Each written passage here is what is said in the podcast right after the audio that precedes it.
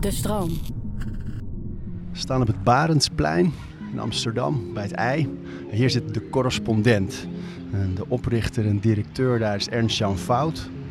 Um, die ik vandaag ga spreken. Hij schrijft heel veel over intentioneel leven, dus echt doelgericht leven.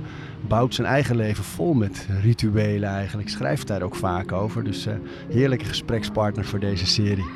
Toen we echt het bedrijf moesten sluiten, merkte ik dat ik wel dat je dan dat al die, al die routines, de, veel van die routines de deur uitgingen, dat het gewoon overleven was, uh, anderhalve maand lang. Um, maar het heeft me wel weer geholpen om daar weer uit te komen en weer vooruit te kijken. Wat is een mens zonder houvast in zijn manier van leven? En ieder heeft een handvat en eigen rituelen. Orde in je hoofd zodat alles te overzien is. We praten over routines. Ik geloof niet in het nastreven van gelukkig zijn of zo. Want zodra je dat probeert, ben je al niet meer tevreden met, met de status quo. Maar wel in het vinden van voldoening. In, in bijvoorbeeld iets bouwen of onkruid We praten over routines. We zitten bij de correspondent. Het is echt een, een bolwerk geworden. Ja, hè? Ja, het is ook wel echt gelukkig weer even een, een wat drukkere dag. Want het was natuurlijk een verlaten bolwerk. en nu is het weer ietsje drukker. Maar twee, ja, twee verdiepingen aan het, uh, dicht bij het ei ja, in Amsterdam. mooie plek. Mooie plek. Ben je blij met de ontwikkeling van het bedrijf? Uh, zeker. Af en toe, het is best wel moeilijk om, om jezelf daar aan te herinneren. Want ik zie natuurlijk als, als directeur, als eindverantwoordelijke alleen maar, als ik niet oplet, alleen maar de problemen of dingen die beter moeten. En, uh, maar als ik dan even stilsta en denk van, oh wauw, we hebben 71.000 leden, we hebben goed lopende boekuitgeverijen, we, we zijn niet met z'n zestigen. En um, nou ja, we hebben een model uit de grond gestampt dat nu acht jaar later, ja, acht jaar later gewoon werkt. Uh, en daar ben ik al heel, uh, heel, heel blij mee. En dan komen weer oh, een je paar nou bijna dankbaar zeggen? Heel dankbaar voor, Adi. Ja. dat is hij al. Daar wou ik ja. straks pas over beginnen. maar ik merk wel aan jouw manier van vertellen dat je inderdaad heel erg zo kijkt naar de dingen. Hè? Dat je dan misschien net als wij allemaal neigt naar ook wel de, de punten zien die beter moeten of anders kunnen. Maar dan ook jezelf min of meer dwingt te kijken wat er allemaal goed gaat en daar ook uh, op te voeden. Ja, daar ben ik wel op een gegeven moment bewust mee begonnen, ja. Waarom was dat? Nou, omdat ik een soort op. Ik realiseerde me op een gegeven moment in mijn leven dat ik een soort chronisch ontevreden was. Terwijl ik bedoel, ik ben uh, een vrolijk iemand en ik, ik heb zin in nieuwe dingen doen. Alleen um, als je alleen maar, als je dat doet met alleen maar nadenkt over het volgende wat je wil gaan doen en niet stilstaat. Ik zag opeens zo'n schrikbeeld voor me dat ik dan later op mijn sterfbed lig en denk van, oh shit, de moment, de, de, de mooiste momenten was ik er niet bij, want ik in mijn hoofd bezig was met uh, alles wat ik nog wilde doen. Ambities, werk. Ja, uh, bedoel, acht jaar, bedoel, acht jaar de correspondent zou je kunnen zien als uh, acht jaar lang het moet beter. Of uh, en alleen maar kijken naar dit gaat er niet goed, dat gaat er niet goed, dat moet ik fixen. Dan is het helemaal niet leuk, het houdt ook niet vol. En dat had ik ook in het groot met het, um, met het leven. ja. Neem me even mee naar je leven. Gewoon echt aan de hand van je dag. Als je, begin jij vroeg? Ik heb, een, uh, ik heb een wekker staan. Die staat om kwart over zeven. Die ligt een verdieping hoger. Zodat ik er wel echt uit moet. Ik slaap, ik slaap op min één. Uh, want ik woon in een, in een dijkhuisje. Dus op min één. En dan moet ik dus de trap op om het ding uh, uit te zetten. Maar ik heb hem eigenlijk vrijwel nooit nodig. Want ik heb twee kinderen van zes en twee. Die worden eerder wakker. Um, dus die maken mij vaak wakker. En dan? Nou, dan, uh, ik probeer, zij gaan altijd dan boven zitten, een beetje spelen en zo. Dan heb ik nog, heb ik nog iets van 10 minuten, een kwartier, vaak tussen zeven en kwart over zeven, dat ik even een window voor mezelf heb. Vroeger ging ik dan Twitter checken of het nieuws checken, tot ik merkte dat ik daar echt ja, dat, dat, ik las toen een keer ergens iemand die zei dat je dat absoluut niet moet doen. omdat je dan, als je met Twitter begint, dan uh, vertellen andere mensen wat je, uh, wat je moet vinden. Het nieuws, vertellen mensen je waar je zorgen om moet maken. En als je de e-mail erbij pakt, wat ik ook wel eens deed, dan wordt er ook verteld wat je moet doen. En nu, nu in plaats daarvan uh, ligt die telefoon dus veilig boven, kan ik niet bij. Dus een dubbele functie. Ik moet er naar toe lopen om hem uit te zetten en ik kan er niet meteen bij. En pak ik mijn e-reader, ga ik, probeer ik het boek waar ik de avond waar ik de dag mee afgesloten heb, weer in verder te gaan. dat doe ik nu een maandje en het is echt, dat is echt heerlijk. Want wat merk je? Nou, dat ik ontspannen aan de dag begin, dat ik de dag met verbeelding begin. Um, dat ik vooral niet de dag begin met zorgen of met boze mensen op Twitter. Of dingen die ik nog maar moet gaan doen in die e-mail. Eh, dus je stelt dat wat, dat op een gegeven moment komt dat ook. En dat is ook prima, maar het is wel lekker om dat even uit te stellen. En dan ben ik ook meer bij mijn gezin en niet al met mijn hoofd bij dossier X of Y wat ik moet gaan oppakken de Sterk is dat, hè? Als je dat dan een dag niet doet, inderdaad, dat je hoofd zo gevuld kan worden met gedachten, met richtingen, met dingen die je moet of wil, of reacties die je ergens op voelt. En dat je dat inderdaad echt in de weg kan zitten van hoe je met je kinderen omgaat in de ochtend. Hè? Ja, ja, dan zit ik stiekem al na te denken over hoe ik het ene probleem ga oplossen als Ja, ik op werk kom. Net iets meer geprikkeld ook soms. Of, eh, Ook, ja, me- en ongeduldiger. Ja, ja. ja. Ja. man. Ja, dus, en ik bedoel, ik, ik ben geen heilige af en toe, dan val ik terug in dat ik het wel check. Maar er is er altijd het moment dat ik daarvoor een soort van gestraft word door dan net dat ene mailtje wat verschrikkelijk is. En dat ik dan weer merk van, oh ja, daarom deed ik dit niet. Terug naar het boek. Wat lees je nu? Ik eh, lees nu De Herinnerde Soldaat. Ik lees op mijn e-reader, dus ik weet de schrijver even niet. Volgens mij Daantje is de achternaam. En eh, het is een, boek over een, soldaat uit de Eerste Wereldoorlog die gevonden wordt, alles vergeten is. Vier jaar lang naar een instelling moet en daar wordt, dan wordt opgehaald door zijn vrouw die hem eindelijk gevonden heeft. Nadat ze vier jaar lang gezocht heeft met contactadvertenties en zo. En eh, je volgt het dan, dan gaat, zij neemt hem mee en je volgt het door zijn ogen en hoe hij langzaam weer dingen herinnert. En, Mooi. Ja, het is echt een Maar roman dus. Ja. Ik had jou toch echt in de hoek van de, de non-fictie eigenlijk. Ja, dat lees ik ook, maar niet, niet in mijn bed. Nee? nee. En waarom is dat? Omdat ik dan toch eh, ja, allerlei dingen in mijn hoofd ga activeren. Dus ik lees, ik heb nu net het non-fictieboek dat ik nu net uit heb, is ging over Amazon. ehm, Amazon Unbound heet het. En daar, dat lees ik ook als een soort management literatuur tegelijkertijd. Huiswerk bijna. Ja, en dat dan, als, dus ik lees voor het slapen gaan en als ik wakker word, dan wil ik op dat moment juist niet mee bezig zijn. En, en, en dan heb je dus eigenlijk altijd wel meerdere boeken tegelijk liggen. Ja. E-reader. Ja. Hoe lang ben je aan de e-reader? Ik denk al, eh, ja, ik denk iets van vijf, zes jaar of zo. Zo. Ik hou wel van papieren boeken, alleen eh, ik lees best wel lang door s'avonds. Ja. En eh, dan is het fijn dat het gewoon dat er geen lichtje is. meer aanstaat. En, Ja. eh, ja. ja, en dat zal je ook hebben. Dat als je veel ook gewoon uit interesse of je leest ergens iets over of je hoort in een podcast een boek. Dan is die e-reader ideaal omdat je, hup, je koopt het voor een prikkie meestal. ja, En dan kan je ook gewoon lekker scannen en dingen. En anders heb je gewoon een papierwinkel thuis. Joh. Een ja, boekenkast precies. peilt uit. Ja, en je kan zelfs nog voordat je het koopt ook een sample downloaden. Dat vind ik helemaal ideaal. Ja, oh ja, ja. Dat blijft vaak hangen en dan koop ik het als dan koop ik het. Ja. Ja. ja, dat is een goede toets voor jezelf ook. Ja. Ingebouwde discipline. Precies. Dus je hebt dat, dat, dat boek, dat lees je dan nog even in dat kwartiertje voordat je naar beneden gaat. Of eh, je bij de kinderen voegt. En Ja. dan? Eh, dan, eh, dan maak ik het ontbijt en de lunches. Mijn vrouw maakt de koffie, dat is heel fijn. En, dus jullie zijn allebei op al. Ja, Ja. ja, ja. En dan, dan breng ik mijn oudste naar school. En eh, soms is er oppas, soms niet. Dus dat is elke ochtend anders. Maar in ieder geval, de kinderen... Ik ben niet meer verantwoordelijk voor de kinderen op een gegeven moment. En dan, eh, dan stap ik op de fiets naar mijn werk. Lekker op de fiets. Ja, En eh, als je fietst door de, door de stad, heb je dan iets op je oren? soms wel. Ik, ik, maak, ik maak nou, net als jouw podcast. En dan vaak, als ik dan een gast heb, dan ben ik een week lang verkeer ik in de wereld van die gast. Dus dan luister ik naar podcasts met, met die persoon. En, ehm, maar ik probeer ook wel eens bewust eh, gewoon even geen prikkels te hebben en gewoon na, na te denken. En, op de, ik, zit- ik moet ook het pontje over van Amsterdam-Noord naar eh, de rest van Amsterdam.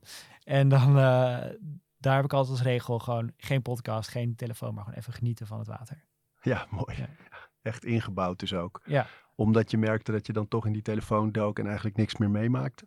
Ja, ja, dan, het- ik bedoel, het, is toch, het, het blijft bijzonder om eh, met een bootje naar je werk te gaan. En ook al doe je dat honderd keer in, eh, nog wel meer in een jaar. En ik vind dan toch, ik was dan een van die mensen die dan zo met, met zijn hoofd strak naar beneden op de telefoon zitten. dacht ik, nee, dit is nou zoiets wat je niet normaal moet gaan vinden. Zonde, ja. Ja, Ja. ja.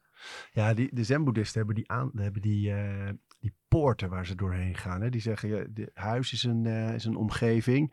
En dan verlaat je de poort naar de volgende dimensie, de, de buitenwereld. En dan verlaat je de poort naar de derde dimensie of de werk, school, wat het maar kan zijn. En die, die, die willen ook dat je dat heel bewust ervaart elke keer, omdat je in je hoofd dan ook echt afscheid neemt van het een en aan het volgende kunt beginnen. Ja. Dus alles vol ervaren. Dat is eigenlijk wat je doet. ja, dat was in die lockdown ook zo ingewikkeld dat je dat niet meer. Ik kende deze, deze eh, theorie of deze filosofie niet, maar ik had al vrij snel zoiets van: ik moet die dag, ook al, ook al ga ik naar de slaapkamer en zitten mijn kinderen in de woonkamer, ik moet toch een soort van die dag gaan afsluiten en beginnen. Hoe heb je dat gedaan? Nou ja, el- elke dag met de moeder wanhopen. Dus is, maar echt gedag zeggen van ik ga nu naar mijn werk.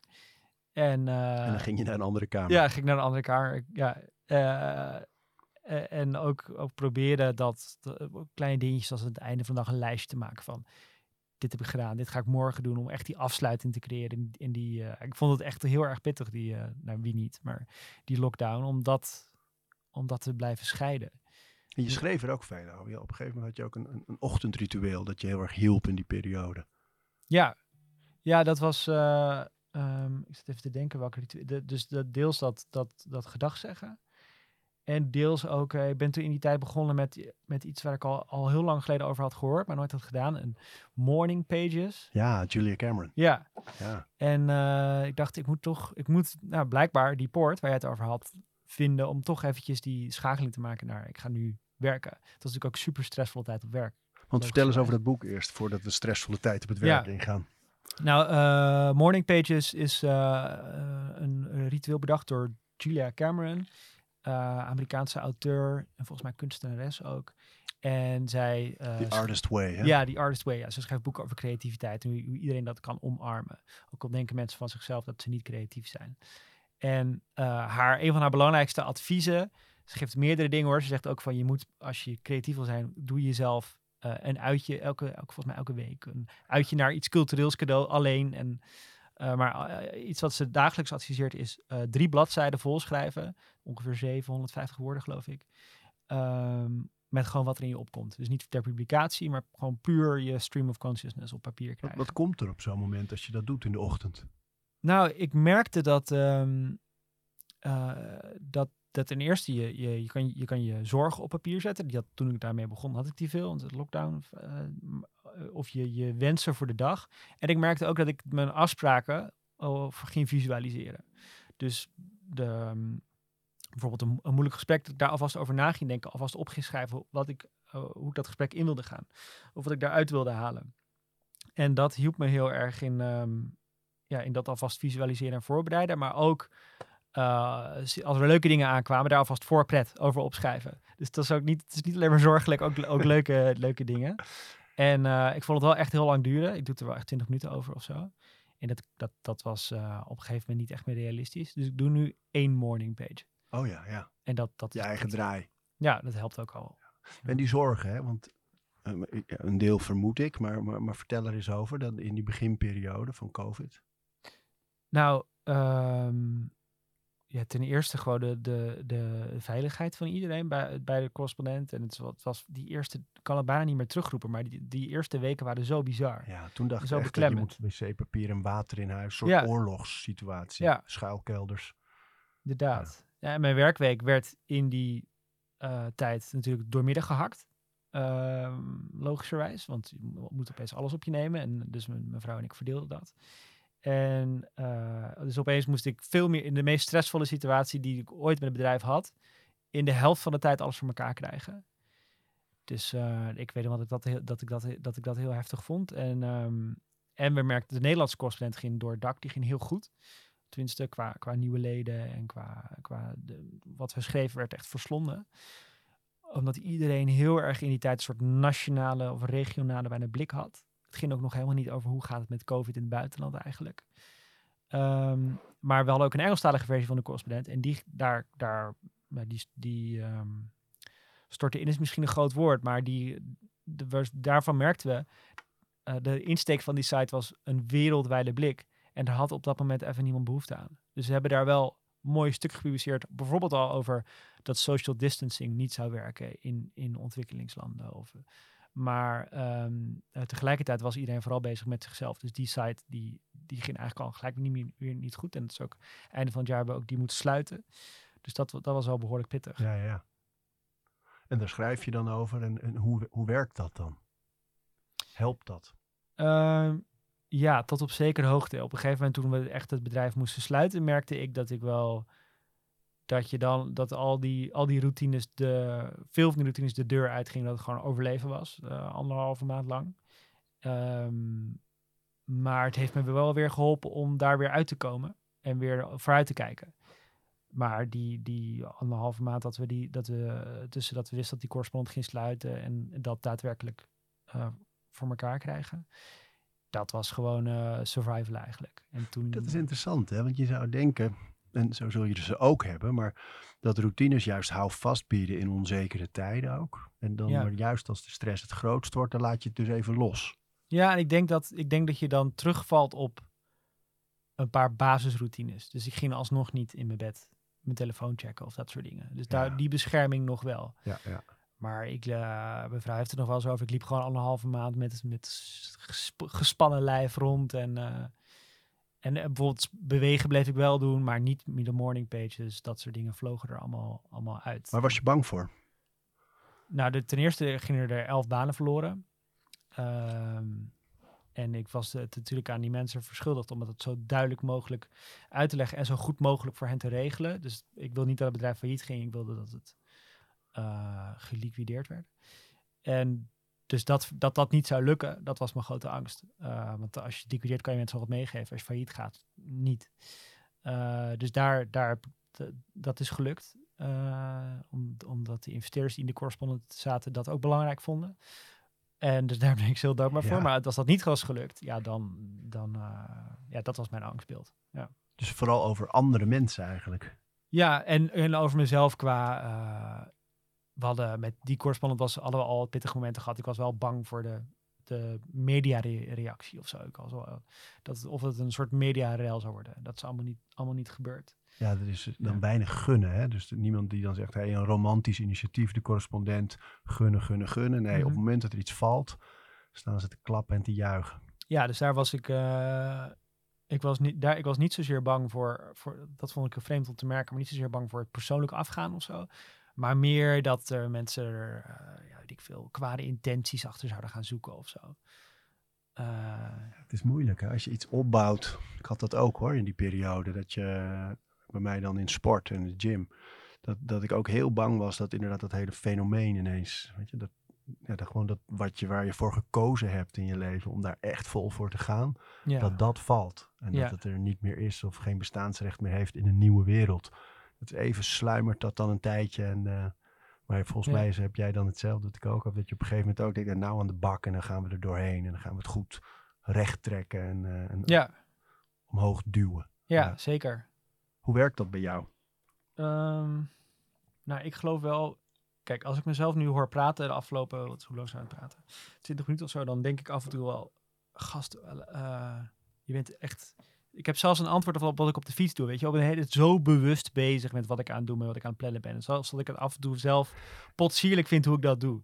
Maar tegelijkertijd denk ik wel dat het echt. Uh, uh, het is wel ook de antwoord op, op, jou, op jouw vraag. Uh, ik probeer zo intentioneel mogelijk te leven. Dus zo bewust mogelijk keuzes te maken. Omdat het, het leven je anders zo als ik dat niet zou doen, dan zou ik wel de hele dag op die telefoon zitten. Of wel de hele dag ontevreden zijn. Of wel gewoon maar meegaan in de maalstroom van wat je opgelegd wordt. En um, door, door, bewust, door, in, ja, door bewust te kijken van wat vind ik eigenlijk belangrijk, wanneer ga ik wat doen, uh, denk ik dat ik, dat ik meer tijd uiteindelijk aan belangrijke dingen in het leven besteed. Dus wat ik bijvoorbeeld doe, ik kijk uh, in, in die fase met die correspondent was tegen het einde van het jaar. Ik doe sinds, een, sinds twee jaar um, naar het model van uh, wat Rick Pastoor in zijn boek Grip. Grip, ja. Hij schrijft een soort jaarreview. Toen ik dat eerst las, dacht ik, wat een hoop werk. Dat ga je toch niet doen. Maar toch, toen organiseerde hij een jaarplandag om mensen als ik over de streep te trekken. Daar ging ik heen. Mijn vrouw ging mee, vond ik heel lief van haar. En ik was tegelijkertijd een beetje bezorgd wat ze ervan zou vinden. Maar dat was echt fantastisch. Het was ook in jouw, in jouw enigszins nerdy. Ja, dit is wel de, de, de, nerdelijke nerdkant op. Ja, dat was dan op, in de vergaderzaal in Hoogkaterijnen zaten we daar dan met honderd mensen het jaar te evalueren en te plannen. Maar dat was echt, echt, echt uh, met z'n tweeën. Want je zit, was dat echt een fantastische ervaring om samen terug te kijken op ons jaar en te bedenken van wat willen we eigenlijk volgend jaar. En hij, het gaat, hij vraagt je dan bijvoorbeeld om alvast per kwartaal te bedenken wat je leuk lijkt dan, of mooi lijkt om te doen. En wat het mij, wat me wat voor, wat me wat voor inzicht heeft gegeven, is hoeveel, je eigenlijk, hoeveel er in een kwartaal in een jaar gebeurt. En hoe je daar, als je daar wat bewuster mee bezig bent, uh, hoeveel meer je eruit kan halen en veel meer van kan, bewust van kan zijn wat er allemaal gebeurt. Dat het leven niet aan je voorbij vliegt. Want kun je daar een voorbeeld van geven? Dan kijk je terug op zo'n jaar. Dan, wat, wat, waar hebben we het over? Nou, een voorbeeld is bijvoorbeeld. Um, uh, dingen die, die eigenlijk heel bijzonder zijn, maar die aan je aandacht kunnen ontsnappen. Ik op een gegeven moment ben ik naar, voor die correspondent ben ik naar uh, New York verhuisd. En uh, dat, dat, is, dat is natuurlijk super ingrijpend en een lange checklist van die begint bij een visum krijgen tot en die eindigt bij de lampjes ophangen in je, in je nieuwe huis in New York. En uh, dat was zo uh, intensief en zoveel praktische dingen.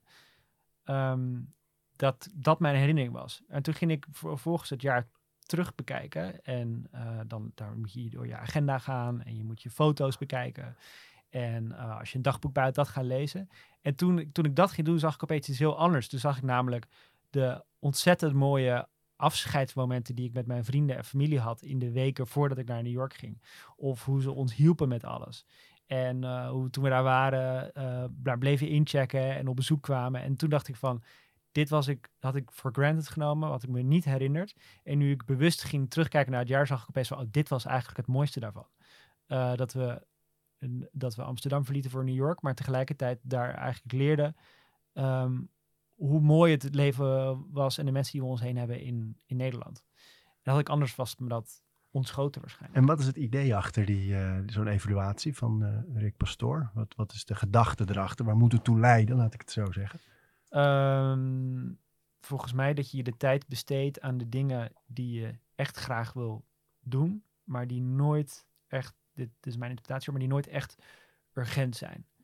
Dus je, veel van de tijd, als je er niet over nadenkt, gaat naar dingen die nu moeten gebeuren. Dus deadlines of mensen die, die uh, dingen aan je vragen. En, uh, maar niet naar de dingen die je eigenlijk zou willen doen, maar waar niemand van tegen je zegt van dat moet je doen.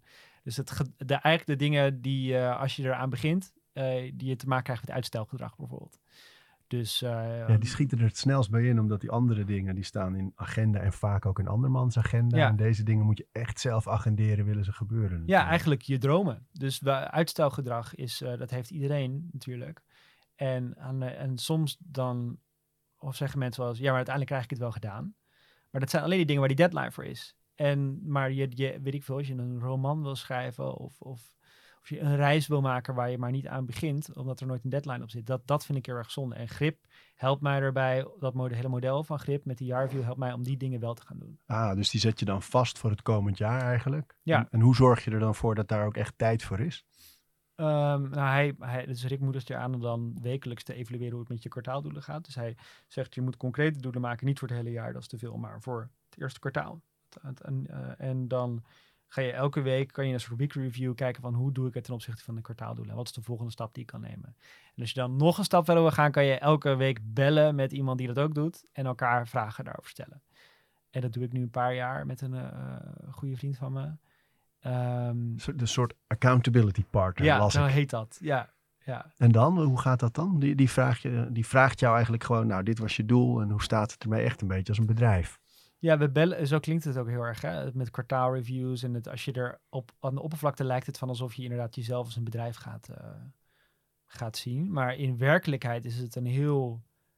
Zijn het hele mooie gesprekken. En is onze vriendschap ook echt verdiept. Omdat we bellen elkaar dus elke maandag om negen uur, een half uur. Hij praat een kwartier, ik praat een kwartier. En we stellen elkaar vragen als in. Wat heb je deze week gedaan waar je trots op bent? Of wat had je deze week beter kunnen doen? En hoe ga je dat volgende week die les toepassen? Of um, we vragen elkaar naar specifieke doelen. En dat is maar een kwartiertje. Uh, maar wel elke week. Dus je leeft heel erg met elkaar mee en je stimuleert elkaar. En je gaat op een gegeven moment ook doorvragen en je gaat dingen bij elkaar herkennen. En dan elk kwartaal komen we bij elkaar, een avond lang, uh, bij ons thuis. En dan nemen we het hele kwartaal met elkaar door en blikken we vooruit. En dat, dat, zijn, dat zijn echt prachtige avonden. En dat doe ik ook met mijn vrouw. En um, ja, dat, dat, dat, heeft, dat geeft zowel de vriendschap met hem als uh, het huwelijk met mijn vrouw zoveel meer diepte. En, en over het huwelijk, hè? is dat omdat, je dan, uh, omdat het zo gezamenlijk is? Of waar zit hem dat in? Omdat het gezamenlijk is en omdat het je dus nou, dat je dus van die ontdekkingen doet als, als zoals wij tijdens die emigratie. Dat je dus dat je normaal je herinneringen alleen maar zijn verhuisdozer, maar dat je er dan achter komt, oh nee, het echte mooi daar was, was de vriendschap en de familie. Het afscheid eigenlijk. Ja, ja. En eh, het, ja, daar, dat, dat, het geeft het leven gewoon een soort diepere laag die je anders niet ziet. Die je misschien in een film zie je dat voorbij, herken je het, maar niet in je eigen leven. Dus dat vind ik er heel mooi aan. Ja, mooi. Het, het is dus niet per se een productiviteitsdingetje. Dat is het ook, maar het is ook gewoon in, ja, eigenlijk intenser leven. Ja, die liggen dicht bij elkaar eigenlijk. Hè? Ja. Terug naar je dag. Je komt op je werk. Ja, dan eh probeerde ik eerst die morningpage te schrijven. Dat doe je daar. Ja. Ah, En ehm, daarna probeerde ik, met een nadruk op probeerde, lukt niet elke dag, maar probeerde ik altijd eerst te gaan werken aan iets waarvan ik me voorgenomen heb dat het van waarde is. En dus niet meer e-mail te openen of mijn Slack te openen. En, want dan kom ik meteen in to-do-lijstjes afwerkmodus. En ik ben 's morgens meest productief, dus dan wil ik eigenlijk die uren besteden aan iets dat waardevol is. Eh, dus dat probeer ik dan. En eh, als dat afgerond is, dan open ik de sluis. En dan e-mail en social media en Slack en zo. en dan wordt het rennen en beuken. Ja, inderdaad. En dan heb ik mijn vergaderingen en dergelijke. Nou, en wat is een voorbeeld van zo'n eh, zo'n taak die je dan eigenlijk echt voor jezelf wil doen? Iets wat je waardevol acht? Ja, vaak iets, eh, iets schrijven. Dus nu bijvoorbeeld de afgelopen week, eh de correspondent op 30 september, altijd jarig. Omdat we 30 september 2013 voor het eerst begonnen. En elk jaar publiceer ik dan voor de leden de cijfers, de financiële cijfers. Dus dat, eh, dat was dan vanmorgen het ding dat ik dat verder uit ging werken. En dat, dat is... eh, dat is natuurlijk voor deels een creatief proces, want ik moet bedenken hoe ik het wil vertellen en zo. En dat werkt gewoon beter als ik nog helemaal niks op mijn bord heb verder. Eh, dus dingen schrijven of dat eigenlijk vooral. En die sluizen die open gaan, hè? al die berichten die dan binnenkomen, Slack, e-mail. Ehm, hoe ga jij daarmee om? Want ik weet, als je Rick Pastoor, dat hebben jullie ook uitgegeven volgens mij, dat boek toch, Grip? Eh, ik heb, nee, we hebben het niet uitgegeven, helaas. Maar ik wel, ben er wel bij betrokken geweest. Ja, ik heb hem Ja, wel toch? Geadviseerd. Ja. Ja. Ja. Maar ja, dat hele boek voor, voor mensen die het niet kennen nog zeer aan te bevelen. Gaat echt over grip op je agenda krijgen, op je leven eigenlijk.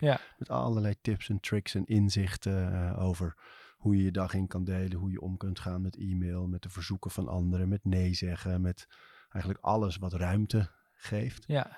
Ehm, dus jij bent daarmee bezig, neem ik aan. Je hebt vast een theorie over omgaan met e-mail, WhatsApp, Slack enzovoort. Ja, ja, ik probeer altijd naar eh, inbox zero te gaan, zoals het dan heet. Dus dat je inboxen helemaal leeg zijn. En ehm, dat je alles wat je binnen twee minuten kan doen, meteen doet. Oh, en ja. alles op je to-do-lijst zet. Ehm, maar dat lukt lang niet altijd. Maar dat is wel altijd wat ik erachter probeer te houden. Dus ook met WhatsApp, dat ik archiveer dan... Ik maak nu het swipe-gebaar, merk ik. Maar ik archiveer elk gesprek eh, tot het weer terugkomt in die inbox. En, en ja, op die manier niet dat ik een inbox met 10.000 berichten heb waar, waar ik niet meer raad in mee weet. Maar ik ben daar wel losser mee geworden. Ik heb wel geprobeerd dat dan maar twee keer per dag te doen en zo. Dat, die discipline, dat, eh, daar kon ik de wilskracht niet voor opbrengen. Dus nu heb ik die methode gevonden van eerst doen wat ik belangrijk vind en daarna is het gewoon een free-for-all. En eh, je werkdag is hier, je zit dus eigenlijk van, wat is het, ongeveer negen uur Ja, zoiets. ben je hier. En dan is een volle werkdag op kantoor. Ja, ik ga altijd wel ietsje eerder weg. Ik, ma- doe, ni- ik kan niet van 9 tot 6 of zo op, eh, dan op kantoor zitten.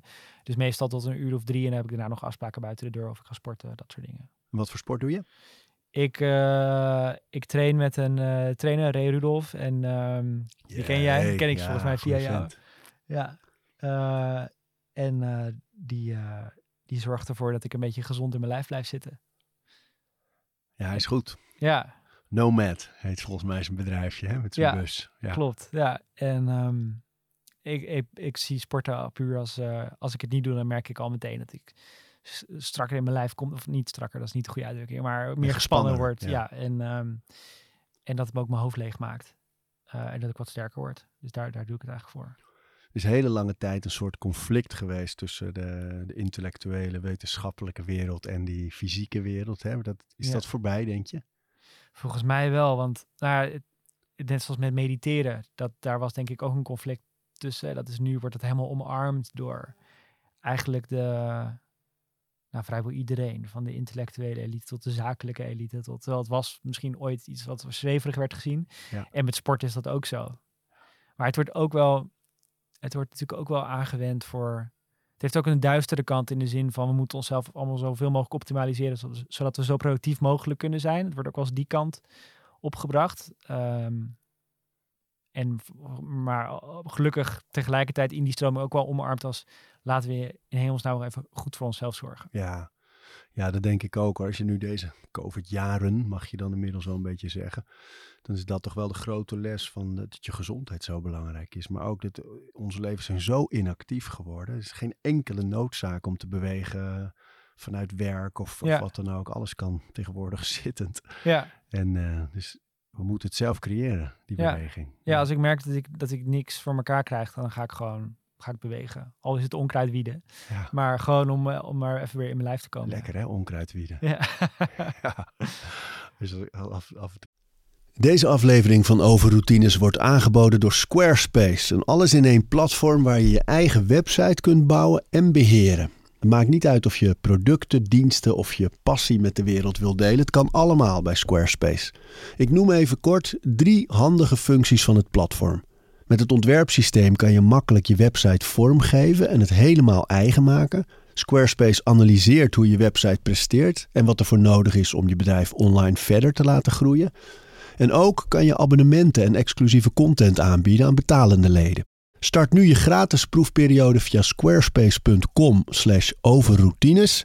En ben je klaar om je website echt te lanceren? Gebruik dan de code overroutines. Dan krijg je 10% korting op je eerste aankoop van een website of domein. Toen zo op het terrein kijk bij ons ook en er staat overal dan onkruid. Dan kan het overweldigend zijn. Maar als je gewoon met een hoekje begint en je trekt een paar van die dingen met wortel en al, wortel en al eruit. ja, Ja, dat is heerlijk. ik geef heel veel bevrediging. Ja, ja, ja, ja.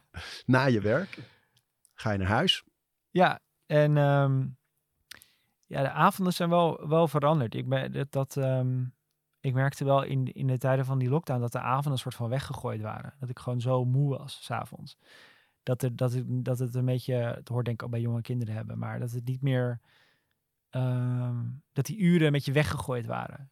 Eh, dus, dat, en, dus ik probeer nu wel vaker dan niet een serie te gaan kijken bijvoorbeeld. En, eh, en wat meer de tijd te gaan nemen voor elkaar. En dat is moeilijk als je zo moe bent, zoals veel mensen nu zijn. Ja. Eh, maar ik heb wel een levensfase gehad waar de avonden mooier waren, ja. Dus ik kijk heel erg naar uit dat dingen weer open gaan. Dat je weer naar optredens toe kan. Of eh, de, wat meer de buitenwereld kan opzoeken. En ik, ik, ik zoek steeds een beetje naar een eh, soort brug om, om het over Fire te hebben. Jouw eh, stokpaard van de afgelopen Ja. tijd. Eh, kun je, laten we gewoon erover beginnen. Want ik stel me altijd zo voor dat je dan met je vrouw zo s'avonds nog met allerlei rituelen rond geld en sparen en eh, eh, zo bezig bent. Want, maar leg eerst eens uit wat Fire precies is. Ja, FIRE is een beweging uit, uit Amerika van Amerikaanse bloggers. Het staat voor Financial Independence, Retire Early. En, Financieel onafhankelijk, vroeg met pensioen. Ja, en het is een stroming waar, waar mensen eigenlijk zo min mogelijk uitgeven, zoveel mogelijk beleggen of anders het geld laten renderen. En dan zo vroeg mogelijk niet meer afhankelijk willen zijn van hun inkomen om, ehm, ja, om te kunnen rondkomen. Hoe doe je dat? Nou, ehm, ik ben niet, ben ik volg die stroom niet letterlijk op hoor. Maar als je dat wel letterlijk doet, hoe, hoe je dat dan doet, is door alles naar alles te kijken en te denken: is dit, is dit wel de moeite waard? En eigenlijk je maatschappelijke reflexen te checken. Dus er zijn een paar maatschappelijke reflexen, even kort door de bocht, dat je zo groot mogelijk woont, zo chic mogelijk rijdt, zoveel mogelijk op vakantie gaat eh, en dat je zoveel mogelijk spullen koopt en daar geluk uit haalt. Dat, dat, dat wordt ons de hele tijd wijsgemaakt in, met, in reclames en via verschillende media. En als je dat doet, dan geef je in principe wat er bin- binnenkomt, geef je uit. Ehm, Ja, ik hoorde jou dat ergens anders een keer zeggen dat je op een gegeven moment, nou, in mijn studententijd, was aan het einde van de maand altijd een beetje afwachten of je nog kon pinnen. ja. En dat je dat op een gegeven moment in je volwassen leven ook meemaakte en dacht, wacht even, ik verdien meer, veel meer geld dan vroeger in die tijd. En toch zit ik daar nog, hoe kan dat? Ja, en ik, ik, dus ik, dat, dat was ook een beetje rond de tijd dat ik eh, vader werd en mijn financiële verantwoordelijkheid zich niet meer tot mezelf beperkte. Toen dacht ik, ik moet hier wat, ik ben een volwassen man, ik moet hier wat mee doen. Ik moet mijn verantwoordelijkheid gaan nemen. En eh, toen ben ik allemaal financiële boeken gaan lezen en die waren allemaal heel degelijk. En over overstappen van verzekeringen en lijfre- lijfrentes, polissen, et cetera. En toen kwam ik dat FIRE tegen en dat FIRE is heel, heel krachtig. ehm, in tijden waarin je pensioen niet meer zeker is, eh, waar heel veel mensen geen vast contract meer krijgen, is dat heel erg van neem, dat, dat heeft natuurlijk maatscha- maatschappelijke oorzaken, die moeten ook zeker aangepakt worden. Maar binnen die context kan je ook individueel al jezelf beter beschermen. En dat spreekt me heel erg aan dat FIRE aan. Dus daar werd ik helemaal door gegrepen. Je hebt een bekende, bekende blogger, Mr. Money Mustache. Eh, meneer Geldsnor. En die, ehm, dat is al een van de Canadezen in Amerika die daar heel erg empowering over schrijft. En een beetje over de top. Een van de eerste dingen die ik toen ben gaan doen is dat, dat je de tien dingen opschrijft waar je op wekelijkse basis gelukkig van wordt. En als je dat doet, kom je er al gauw achter dat daar niet een dikke auto tussen staat of nou, dat soort dingen. Misschien ook wel trouwens hoor. Misschien dat het, als je wel gelukkig wordt van een dikke auto, dat je daarin kan investeren. Net zoals ik bijvoorbeeld wel met een trainer trainen, ook is dat veel duurder. Ja, omdat ja. ik dat belangrijk vind. Ja. Ehm, en dan vervolgens ga je proberen je spaarpercentage zo hoog mogelijk te krijgen. Dus te- door te gaan bezuinigen op dingen die, eh, die je eigenlijk geen geluk brengen, maar waar je wel uit een soort gewoonte geld aan uitgeeft. Uit eten gaan. Wat voor Ja, of eh, vooral uit eten, eh, of eten bestellen bijvoorbeeld was dat voor mij dan. of inderdaad uit eten gaan uit luiheid. Ik vind uit eten gaan heel leuk, maar niet dat ik, ik deed het ook heel vaak omdat ik dan niet wilde koken. En dat, dat, dat stapelde heel erg op. Of ik wilde toen net een auto kopen en toen wilde ik eigenlijk... Ik had allemaal mensen in mijn omgeving die hele mooie dikke auto's reden. En dacht ik, oh, dat ga ik ook doen. En toen heb ik in plaats daarvan een oude bak gekocht. En eh, zo lang mogelijk, eh, zo lang mogelijk, zo klein mogelijk blijven wonen allemaal dat soort dingen om, om ervoor te zorgen dat dat spaarpercentage omhoog ging. En ehm, Maar zo lang mogelijk eh, klein blijven wonen, dat zit toch, voor mijn gevoel, ook, kan dat ook wel een, een vorm van geluk in de weg zitten. Op een gegeven moment wel, ja. Maar ik merkte dat wij gewoon uit gewoonte dachten van... oké, dan moeten we nu twee kinderen, gaan we nu dus groter wonen. En, ehm, Ja, het moet geen vanzelfsprekendheid zijn Ja. of zo. en toen zijn we gaan kijken van... Zijn, willen we dat eigenlijk wel echt? En dan kunnen we dat... eh, waar we daar eigenlijk echt gelukkig van. En daar stonden op dat lijstje toen allemaal dingen die zich vaak in ons buurtje afspeelden. Of met mensen die dicht bij ons in de buurt wonen. Zijn we dat langer blijven doen. Toen kwam de lockdown er overheen. Toen, en nu, nu zijn we wel ietsje groter gaan wonen. Ja, Ehm, ik bedoel ook, trouwens ook geen zins dat je niet klein kan wonen en gelukkig zijn. Zeker wel, maar ik kan me ook voorstellen dat als je groter kunt wonen en meer ruimte kan hebben voor kinderen, dat het wel heel veel brengt ook. Ja, dus op, ja alleen eh, toen nog niet. En op nu eh, wij zijn we in een fase waar dat wel zo was. En dan, da- dan ga ik ook niet. eh, de bedoeling van FIRE is wel dat je blijft dat je juist leeft in lijn met je overtuigingen en wat je belangrijk vindt. Dus het is voor mij weer, weer een vorm van intentioneel leven. Ehm, eh, dus daardoor zijn we op een gegeven moment bijvoorbeeld wel iets groter gaan wonen. Omdat het ons levensgeluk in de weg begon, begon te zitten. En hoe, eh, want het idee is dan dus eigenlijk dat je elk jaar spaart, meer of, of op andere manieren zorgt dat je geld eh, groeit. Ja, En, ehm, maar, maar hoeveel eigenlijk? Wat is, wat is het doel? Is toch iets van acht keer een jaarsalaris moet je uiteindelijk bij elkaar hebben of zo? Of hoe zat het ook alweer? Eh, ja, je, eh, je, niet je jaarsalaris, maar je uitgaven eh, moet, je, daar moet je 25 keer bij elkaar gespaard hebben. En dan kan je, zou je daar dan de rest van, van je leven van kunnen leven. Omdat het op zich blijft aanvullen, neem je elk jaar 4% op. En dan, dat is wel heel erg vanuit het Amerikaanse fiscale systeem. In Nederland werkt het iets anders. En ik merk dat ik daar zelf helemaal niet mee bezig ben. Ik, ben, ik weet niet mijn pensioendatum en dat motiveert me ook niet. Voor mij ging het er gewoon meer om, om afscheid te nemen van die geldstress, onnodige geldstress. En ik denk dat, dat eh, er best wel veel mensen die zijn die onnodige geldstress hebben. En daar kan het al een fantastisch medicijn voor zijn. Maar ik zit niet in die beweging van eh, op 1 september 2048, dan kan ik met, ik weet niet eens hoe oud ik dan ben. Volgens mij ben ik dan al bijna pensioensgerechte leeftijd. Maar dan kan ik met pensioen. Dat niet. Het gaat me gewoon meer om dat je de regie kunt nemen. En dat je weet, ehm, nou, dat je eens een risico kunt nemen. Dus op een gegeven moment eh, was mijn vrouw niet meer gelukkig in het werk. Kon, durfde ze ontslag te nemen zonder dat ze al zicht had op iets nieuws. Omdat we gewoon ja, die, Buffer die hadden. zekerheid voor onszelf hebben opgebouwd. Is het iets dat alleen maar voor mensen met, eh, die al een beetje geld hebben werkt? Nou, de, het is voor meer mensen eh, kan het veranderd zijn dan, dan we denken. Dus dit, kijk, als je dan alleenstaande ouder in de bijstand bent, dan, dan ben je aan het overleven. Dan, dan is dit een beetje potsierlijk om over fire te beginnen. Maar eh, de meeste mensen die, die kunnen hier wel wat aan hebben. Die kunnen, dus die, eh, we, als je kijkt naar hoeveel mensen er geld lenen voor een auto bijvoorbeeld, voor een nieuwe auto. eh, of hoe, hoe, wat de gemiddelde vierkante meter is waar, van onze woningen eh, in Nederland. Dan kun je daar heel veel, kun je daar eh, heel veel aan, aan veranderen. Je moet ook wel een zeker zelfvertrouwen hebben, denk ik. Hè? Want dat is natuurlijk ook vaak dat mensen meegaan in die normen van hun vriendengroep en de straat enzovoort. Ja. Omdat er naar ze gekeken wordt en omdat ze dat moeilijk vinden om dan tussen al die grote auto's die, eh, die tweedehands te hebben staan. Ja, nee, dat zeker. Ehm, en ik denk dat, dat kijk, als je, het, leidt on, het leidt altijd tot gesprek over geld als je dit gaat doen. Op, want op een gegeven moment begint er iets in je gedrag op te vallen. En ik merk altijd dat de gesprekken over geld, de beste gesprekken over geld zijn de, de- zijn de gesprekken die eigenlijk niet over het geld gaan. Dus over wat daarachter zit.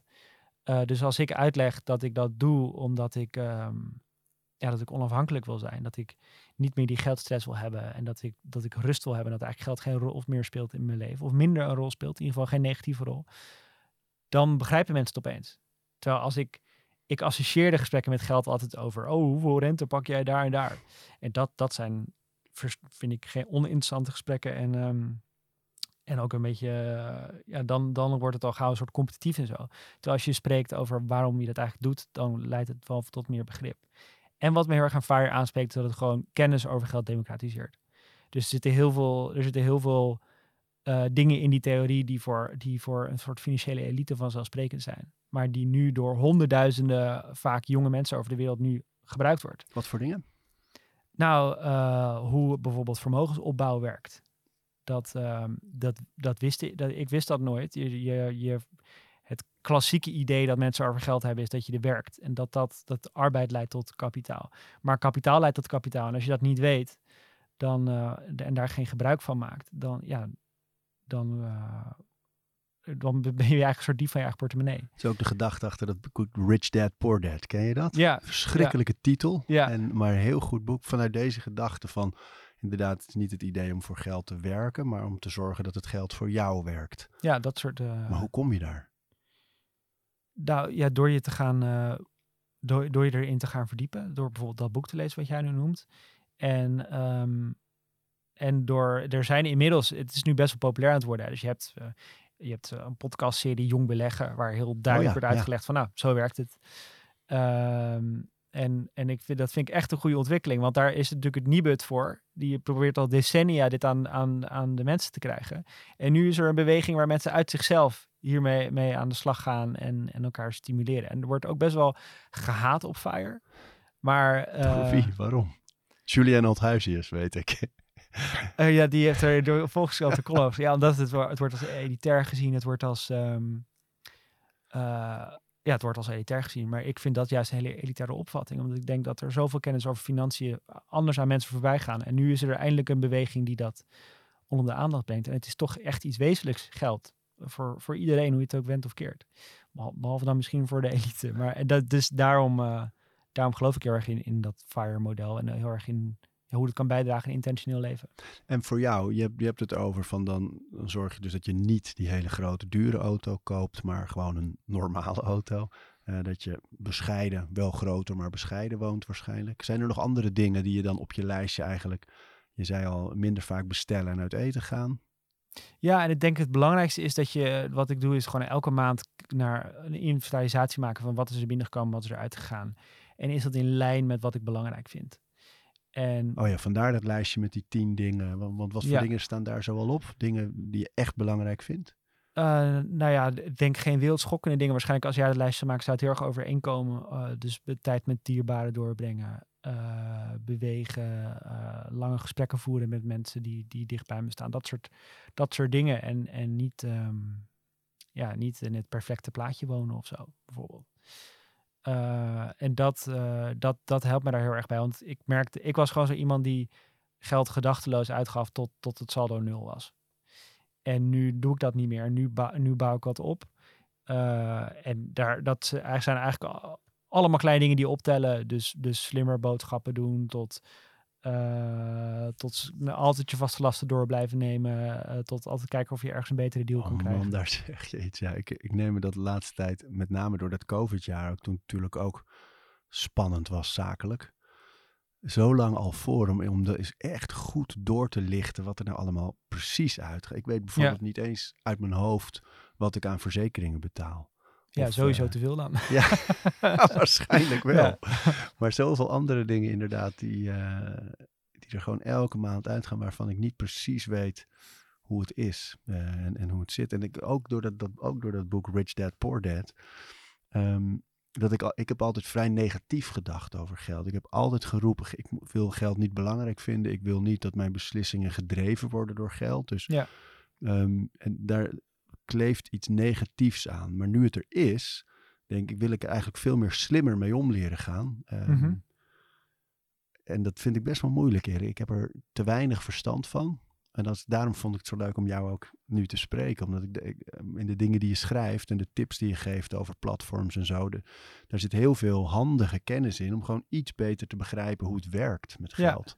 En ook als je niet heel veel verdient of niet heel veel hebt, is er heel veel winst te behalen nog in gewoon doorlichten. Dit zijn de uitgaven. Oh, daar ga ik heel veel naartoe. Terwijl dat is helemaal niet iets wat in mijn leven belangrijk gevonden wordt. Of ik concludeerde aan de hand van ons eh, gesprek een tijdje geleden ook ineens inderdaad dat we toch ook dat ik erg veel geld nog besteedde aan eh, eten bestellen, eh, Mhm. eten sowieso. Ja, Of eh, gemakzuchtig boodschappen doen. Ehm, ja, er ligt heel veel daar. ja, en, en, ehm, en het, het behoeft dus niet te betekenen dat je dingen niet meer gaat doen waar je gelukkig van wordt. Dat is eigenlijk het andere misverstand. Toen ik net had over haten op fire, dat is het andere misverstand. Dat je een soort van Monnikenleven. ja, monnikenleven, gierig wordt. En eh, al, het, al het korte termijn plezier uitstelt voor een soort schatkist eh, over twintig jaar. Dat is voor mij ook absoluut niet. Want Nee, vaak het luie alternatief, hetgene wat je niet echt gelukkig maakt, dat is wat het meeste geld kost. Ja. Dus de taxi in plaats van fietsen, om maar een heel plat voorbeeld te nemen. Ja. En ehm, dat, dus het, het maakt uiteindelijk stuurt het je altijd naar dingen die je eigenlijk, nou, noem onkruidwielen als mooi voorbeeld. Of je betaalt iemand die dat doet, of je gaat het zelf doen. En dan merk je, oh, eigenlijk haal ik hier uit dit, uit dit moment ook best wel veel Oh, plezier. Ik had dat laatst met een. er Werd, eh, mijn schoonmoeder woont bij ons op het erf en die had ehm, een zandbak besteld voor de kinderen. Mhm. Vond ze zo leuk. In haar eigen deel van de tuin zo. En eh, dus, dus ik dacht, er komt straks een kant-en-klare zandbak. En dan halen we zand en dan is het klaar. En toen kwamen gewoon een stuk of honderd planken met schroeven en geen gaten erin. Ja, En eh, dus toen inderdaad, onze eerste, onze, onze reflex was ook vanuit de gedachte altijd je tijd efficiënt in te delen. Want tijd is ook, eh, daar kan je ook andere dingen mee doen. Dus Ja. sommige dingen zijn ook gewoon goed om uit te besteden als je er bijvoorbeeld geen verstand van hebt. Of als iets heel lang duurt. En onze eerste gedachte was, ah, dat gaan we vragen of iemand daarmee kan helpen, weet je wel. En dan Ja. en toen dacht ik, nee, ik wil niet dat ik, omdat ik er geen zin in heb of omdat het uren gaat duren, misschien wel een hele dag gaat kosten, ehm, honderd gaten boren en, en vastschroeven en dat hele ding in elkaar zetten. En eh, toen dacht ik, dat wil ik niet eigenlijk, dat ik het daarom niet doe. Toen ben ik, heb ik een zaterdag eraan opgeofferd. ja. Dus ik de hele dag te boren en te draaien en eh, nog een paar keer verkeerd, want ik ben onhandig. ja, en- ja. Uiteindelijk stond die zandbak daar en voelde ik zoveel voldoening. Van, ja, dat eh, gevoel, toch? Ja, dat is onbetaalbaar. En ik, had, Ja. ik weet je, ik hoefde niet ja, een factuur te betalen aan iemand die ook misschien helpt met andere klusjes. Of, eh, dat was een heel fijn, eh, fijn gevoel. En de, sowieso sinds wij naar buiten zijn verhuisd en op zo'n boerderij wonen, doe ik veel meer zelf. Mhm.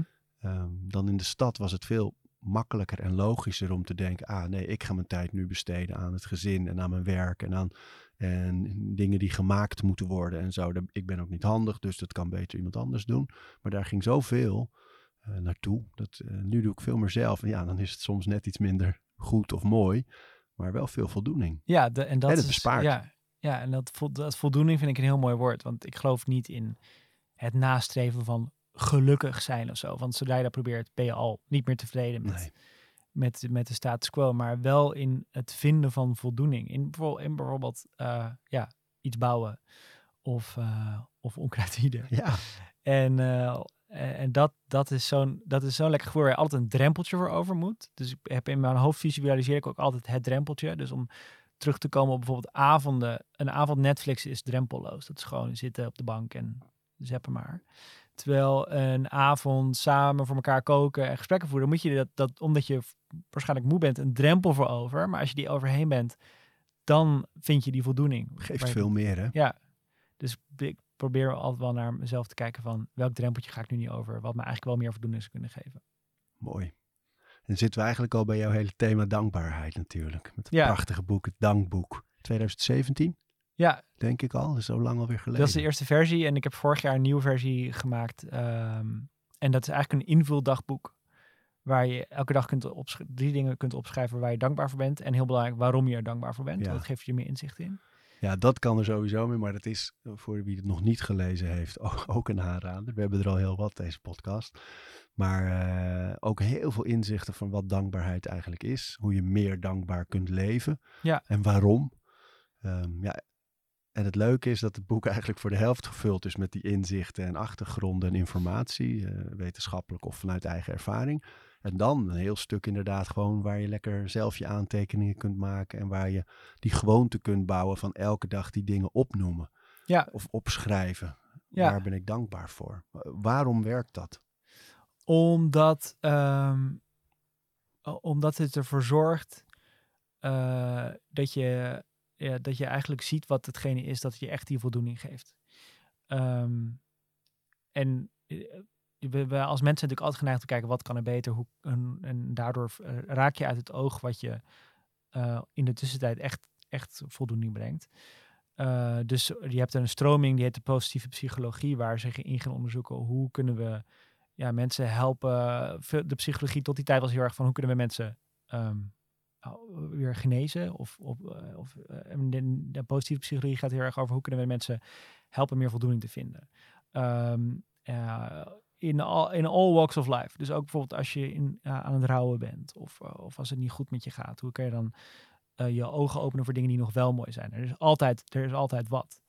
wat wel de moeite waard is. En um, dat ritueel, dat is, toen, dat is tot in het treuren onderzocht heel veel gerepliceerd. En dat blijkt dus een heel lange termijn effect hebben op, op ons mensen. Dat als we bewust zijn, als we dankbaarheid beoefenen, dat we dan ook um, dat je in een soort visuele cirkel terechtkomt, waardoor je merkt, ik ben dankbaar voor iets. Vervolgens ga je dan datgene meer aandacht besteden, bijvoorbeeld een relatie. Waardoor je er weer meer voor terugkrijgt en weer dankbaarder voor wordt. Dus je organiseert eigenlijk in je leven allemaal positieve visuele cirkels. En um, toen ik dat las, ging ik, dat, ging, ik daar, ging ik daarmee aan de slag. En toen merkte ik van ja, dit, dit helpt mij echt tegen die chronische ontevredenheid. Het, het opent eigenlijk mijn ogen voor dingen die ik echt belangrijk vind in het leven. En hoe werkt dat in een dag? Dus dat jij uh, door die dag zo heen gaat. Is het op het moment dat er iets gebeurt, dat je denkt, ah, dit is voor vanavond om op te schrijven? Of, of kijk je op de avond, aan de, in de avond terug op de dag en denk je, oh, dat was mooi, dat was mooi. Ja, dat laatste. Dus ik, aan het einde van de dag, uh, eigenlijk voordat ik ga lezen, vul ik, dat, vul ik het dankboek in. En uh, dan sta ik een paar minuten stil bij de dag. En wat me, wat me in me opkomt, schrijf ik meteen op. En niets hoeft, niets hoeft te klein te zijn. Dus ik probeer, kijk, je kan elk, als je het geluk hebt dat je gezond bent, kan je dat elke dag opschrijven. Maar dan voel je het op een gegeven moment niet, niet meer. Maar je kan bijvoorbeeld wel, uh, als, je, als je bemerkt van, uh, um, ik kan mijn dochter optillen, omdat ik geen last meer van mijn rug heb. Dat is zoiets heel specifieks. Dat, ja, mooi. dat is wel iets waar je echt dankbaar voor kan zijn. En uh, dus probeer altijd zo specifiek mogelijk te zijn. En dan vervolgens toe te lichten waarom het me dankbaar oh, ja, ja waarom het een dankbaarheidsgevoel geeft. Ja, dat is soms nog wel moeilijk, hè? want het is natuurlijk ook een gevoel. Ik zag vanmorgen twee mensen ver voor mij, ik was op de fiets, ver voor mij hardlopen met een hondje ernaast. En die stopten en die gaven elkaar een knuffel. Hmm. En toen renden ze weer verder. En, uh, en toen ik er langs fietste, keek ik even en het, het, het leek mij geen stijl. Ja. Dus daar, wa die waren waarschijnlijk aan het praten ergens over en hadden ineens, raakte er iets of emotioneerde er iemand of zo. Ik weet niet precies wat er gebeurt. Ik heb het ze natuurlijk niet gevraagd. Maar dat vond ik zo mooi. Dat vond ik zo'n mooi symbool. Dat het mij ook, daar, daar dacht ik meteen van, ah, dat wil ik vanavond onthouden voor.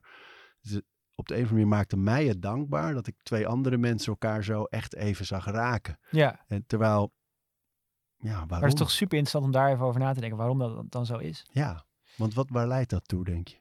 Nou, ik denk inzicht in wat je, in wat je belangrijk vindt. De, uh, in, dus ik kan me voorstellen dat je bijvoorbeeld daar dankbaar voor bent, omdat je het je misschien zoiets groot als vertrouwen in de mensheid geeft, dat we elkaar steun geven en dat we in, in wezen uh, deugen, om een collega van mij te citeren.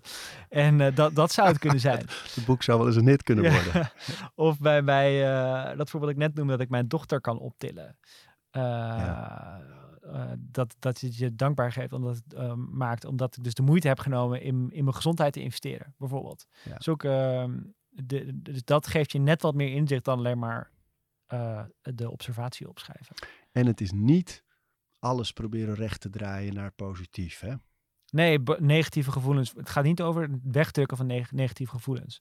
Het gaat erover dat je naast die negatieve gevoelens ook ruimte creëert voor positieve gevoelens. Ehm, dus ik krijg wel eens mailtjes van mensen die het cadeau krijgen. eh, als ze bijvoorbeeld heel erg ziek zijn geworden. En dan is het natuurlijk niet zo van. joh, die dit verdriet mag er niet zijn. Is, daarnaast zijn er, ook in, zijn er ook hele mooie dingen die nog gebeuren. En eh, blijf daar ook vooral naar kijken. En dat ze daar eh, heel veel steun aan ervaren. En dat, dat vind ik heel mooi. Ik vond het in, de, in deze periode, zeg maar, met die, dat er zoveel misère is en dat de wereld zo ehm, onheilspellend echt is. Hè? Dat overal lijkt het negatief. Mensen zijn ook, al- staan op scherp. Ja, Dan vond, vond ik het heel fijn om, om dat wel te zien en wel te voelen. En eh, de angst en de zorgen die daarbij horen. En tegelijkertijd dan inderdaad steeds weer te zoeken naar eh, wat is er wel mooi. Of, of in het geval van werk, eh, als je bedrijf elf maanden dicht is. Maar wat kan er nog wel? Dat Mhm. gaat voor mij ook een beetje daarover. Dat het Ja. een manier van leven wordt om altijd tussen de misère die er ook gewoon is en de somberte. Ook steeds weer te zoeken naar wat is er mooi, wat is er positief, wat is er dankbaar. En dat andere mag bestaan, maar dit is er ook. Vergeet dat niet. ja. Bijna als een soort missie. Ja, precies dat. Ja. En dat is ontzettend waardevol. En ik wil mezelf dat nooit meer ontzeggen. Eh, en ik vind het zonde dat ik een, een soort van decennium dat niet gezien heb wat me allemaal gebeurde en overkwam. En, Maar, maar je zei, want die chronische ontevredenheid, hè, dat, dat, dat is dan een soort algemene gesteldheid. Maar ging er een moment aan vooraf voor jou dat je dacht, van, ik, dit moet anders? ja, ik was op een gegeven moment was, was ik mezelf een beetje kwijt. Eh, vlak voordat ik vader werd. Eh, ook een slechte tijd om mezelf kwijt te raken. En dat vond ik, daar schrok ik zo van. Want mijn leven was altijd een soort van. Ik heb heel veel geluk gehad in mijn leven. En, en veel mooie dingen zijn er gebeurd. Het was een soort steile lijn omhoog. En, en op een gegeven moment eh, dacht ik van. eh, nu ben ik mezelf een beetje kwijt. Nu ben ik op zoek naar. Ik denk dat ik een beetje in, onbewust in paniek was of zo. Dat ik vader werd. Of dat ik die verantwoordelijkheid kreeg. En in die zin een wandelend cliché. Maar, Maar, wat- eh, maar wat is kwijt? Wat, wat deed je? Wat gebeurde Gewoon er? alleen maar, alleen maar weg. Dus alleen maar de deur uit, uitgaansleven in. Alleen maar op zoek naar gewoon kicks. En niet, niet, eh, niet meer het geduld kunnen opbrengen voor dat wat echt ertoe doet. Eh, en ik kijk met heel veel eh, schaamte op die tijd terug. Maar, en, maar inmiddels ook met dankbaarheid, omdat me dat wel... ik heb dat moment wel kunnen aangrijpen om te denken van... Oké, wat vind ik nou eigenlijk echt belangrijk in het leven? Ik had het liever niet meegemaakt, maar nu ik het meegemaakt heeft het me wel iets gebracht in ieder geval. Ka- Het is, het is groot en filosofisch, maar ik, ik denk dat ik bij jou wel kan vragen en dat jij erover nadenkt. Kan je zoiets zeggen van wat je nou echt belangrijk vindt in het leven? Wat je, wat je eigenlijk nastreeft met... Ja, ik, Alles. ik, ik, ben, ehm, ik ben christelijk opgevoed. Dat hebben we volgens mij gemeen. Ja. En eh, dat is natuurlijk heerlijk als je, eh, als je ergens in iets groters gelooft. Want dan hoef je dus nooit over zingeving na te denken. En, eh, maar ergens, ik denk dat mijn oma niet naar deze podcast luistert, dus ik kan het wel zeggen. Ergens ben ik dat kwijtgeraakt. En, ehm, en ben niet, eh, geloof, geloof ik niet meer in, in, in, een, in een God. En, eh, wel nog in heel veel dingen die erbij horen, maar niet meer dat overgave aan God geloof ik niet meer in. En dus wat komt daar dan in voor in de plaats? Dus dat was ook, het dankboek deed het heel goed in christelijke kringen. En dan was altijd de vraag van de EO of het Reformatorisch Dagblad of Nederlands Dagblad. Maar wat als het God niet is, wat is het dan wel? En ik, ik, ik heb daar nog, ik heb daar geen, geen sluitend soundbite antwoord op, maar ik voel dat dat is, voor, dat, dat, is dat, je er, dat je er bent voor anderen. En eh, dat je dat je het zoekt in het waar, waardevol, ja, de waardevolle momenten met dierbaren, waar ook zelfopoffering bij hoort en al die dingen die ik vanuit het christendom nog ken.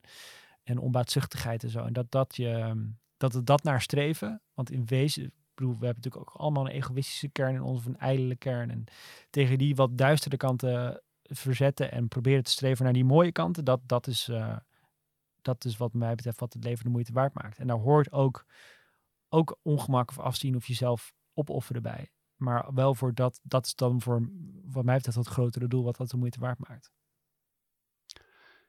Die dankbaarheid schrijf je op in de avond. Dus heb je andere avondrituelen nog voordat je gaat slapen? Uh, de, dus lezen in een roman. En, um, en ik probeer wel uh, de, de avond een beetje in te gaan. Dus niet, niet uh, tot laat, als ik dan een serie kijk, tot laat een serie te kijken of te werken. En soms doe ik dat wel en dan lig ik meteen een paar uur wakker. Dus ik probeer, ik probeer wel echt de, de avond in te glijden, zo, zo gezegd. Eh, dus door rustiger aan te doen. En eh, ik heb dus sinds kort een tuin. Dus dan kan ik de tuin sproeien. Dat is echt een, bijvoorbeeld een heerlijk moment om, om tot rust te komen. Maar zulke, zulke dingen. Ja, die rituelen werken, hè? Ja, Die, eh, je hebt ook een podcast, The Happiness Lab, van Laurie Santos, volgens mij van Yale, een professor. In ieder geval, maar die heeft net een hele aflevering online gezet, ook over rituelen en over dat zelfs bijvoorbeeld bijgelovige rituelen wel werken, omdat het je inderdaad voorbereidt op.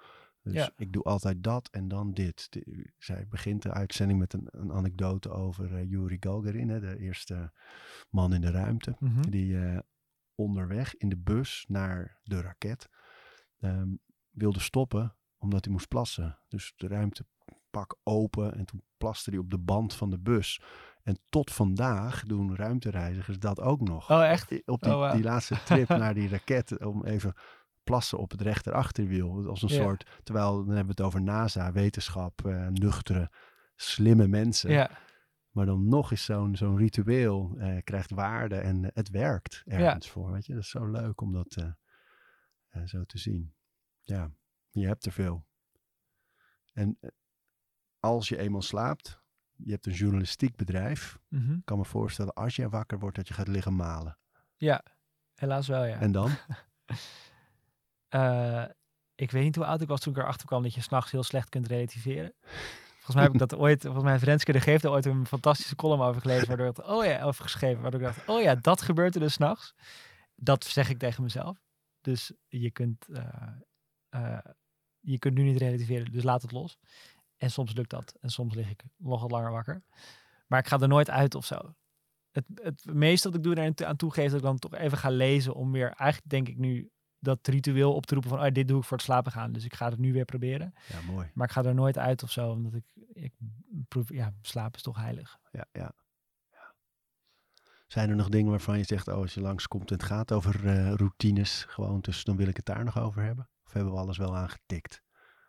Ja, ik denk wat jij net zei, dat je, dat je die probeert, te, dat je ze voor je laat werken. En dat je een inventarisatie maakt van eigenlijk alles wat je doet. Want daar zitten ook waarschijnlijk, ik heb heel veel slechte routines ook moeten afleren. Zoals dat eindeloos checken van, eh, van Twitter en zo. En, en misschien het belangrijkste daarbij is dat je wel mild voor jezelf bent. Dat je nooit, je zal nooit een mate van perfectie bereiken of zo. Dus ik heb nog steeds dat ik dan weer eens een keer een tijdje er verslaafd aan ben. Ehm, en daar gewoon je bij neerleggen. En tegelijkertijd wel altijd blijven streven naar, naar eh, nou ja, goed voor jezelf zorgen. Dat, dat die, die spanning eh, tussen mildheid en blijven streven, dat, dat accepteer dat die er is. Ik denk dat je dat heel veel eh, rust kan geven. Mooi. We praten over routines. Dankjewel voor het luisteren. En voordat je weer doorgaat naar andere dingen, wil ik je nog even wijzen op Over Inspiratie. Dat is het mailtje dat ik elke donderdag rondstuur met drie tips. Dingen waar ik zelf veel aan gehad heb. Kunnen producten zijn, artikelen die ik gevonden heb online, onderzoeken, eh, Instagram-accounts, podcasts, boeken, van alles eigenlijk. En ik denk dat je daar zelf ook veel aan kunt hebben. Dus vind je het leuk om dat mailtje elke week te ontvangen? Dan kun je je opgeven op ariboomsma.nl onderaan de pagina. Dan krijg je voortaan elke donderdag in je mailbox over inspiratie.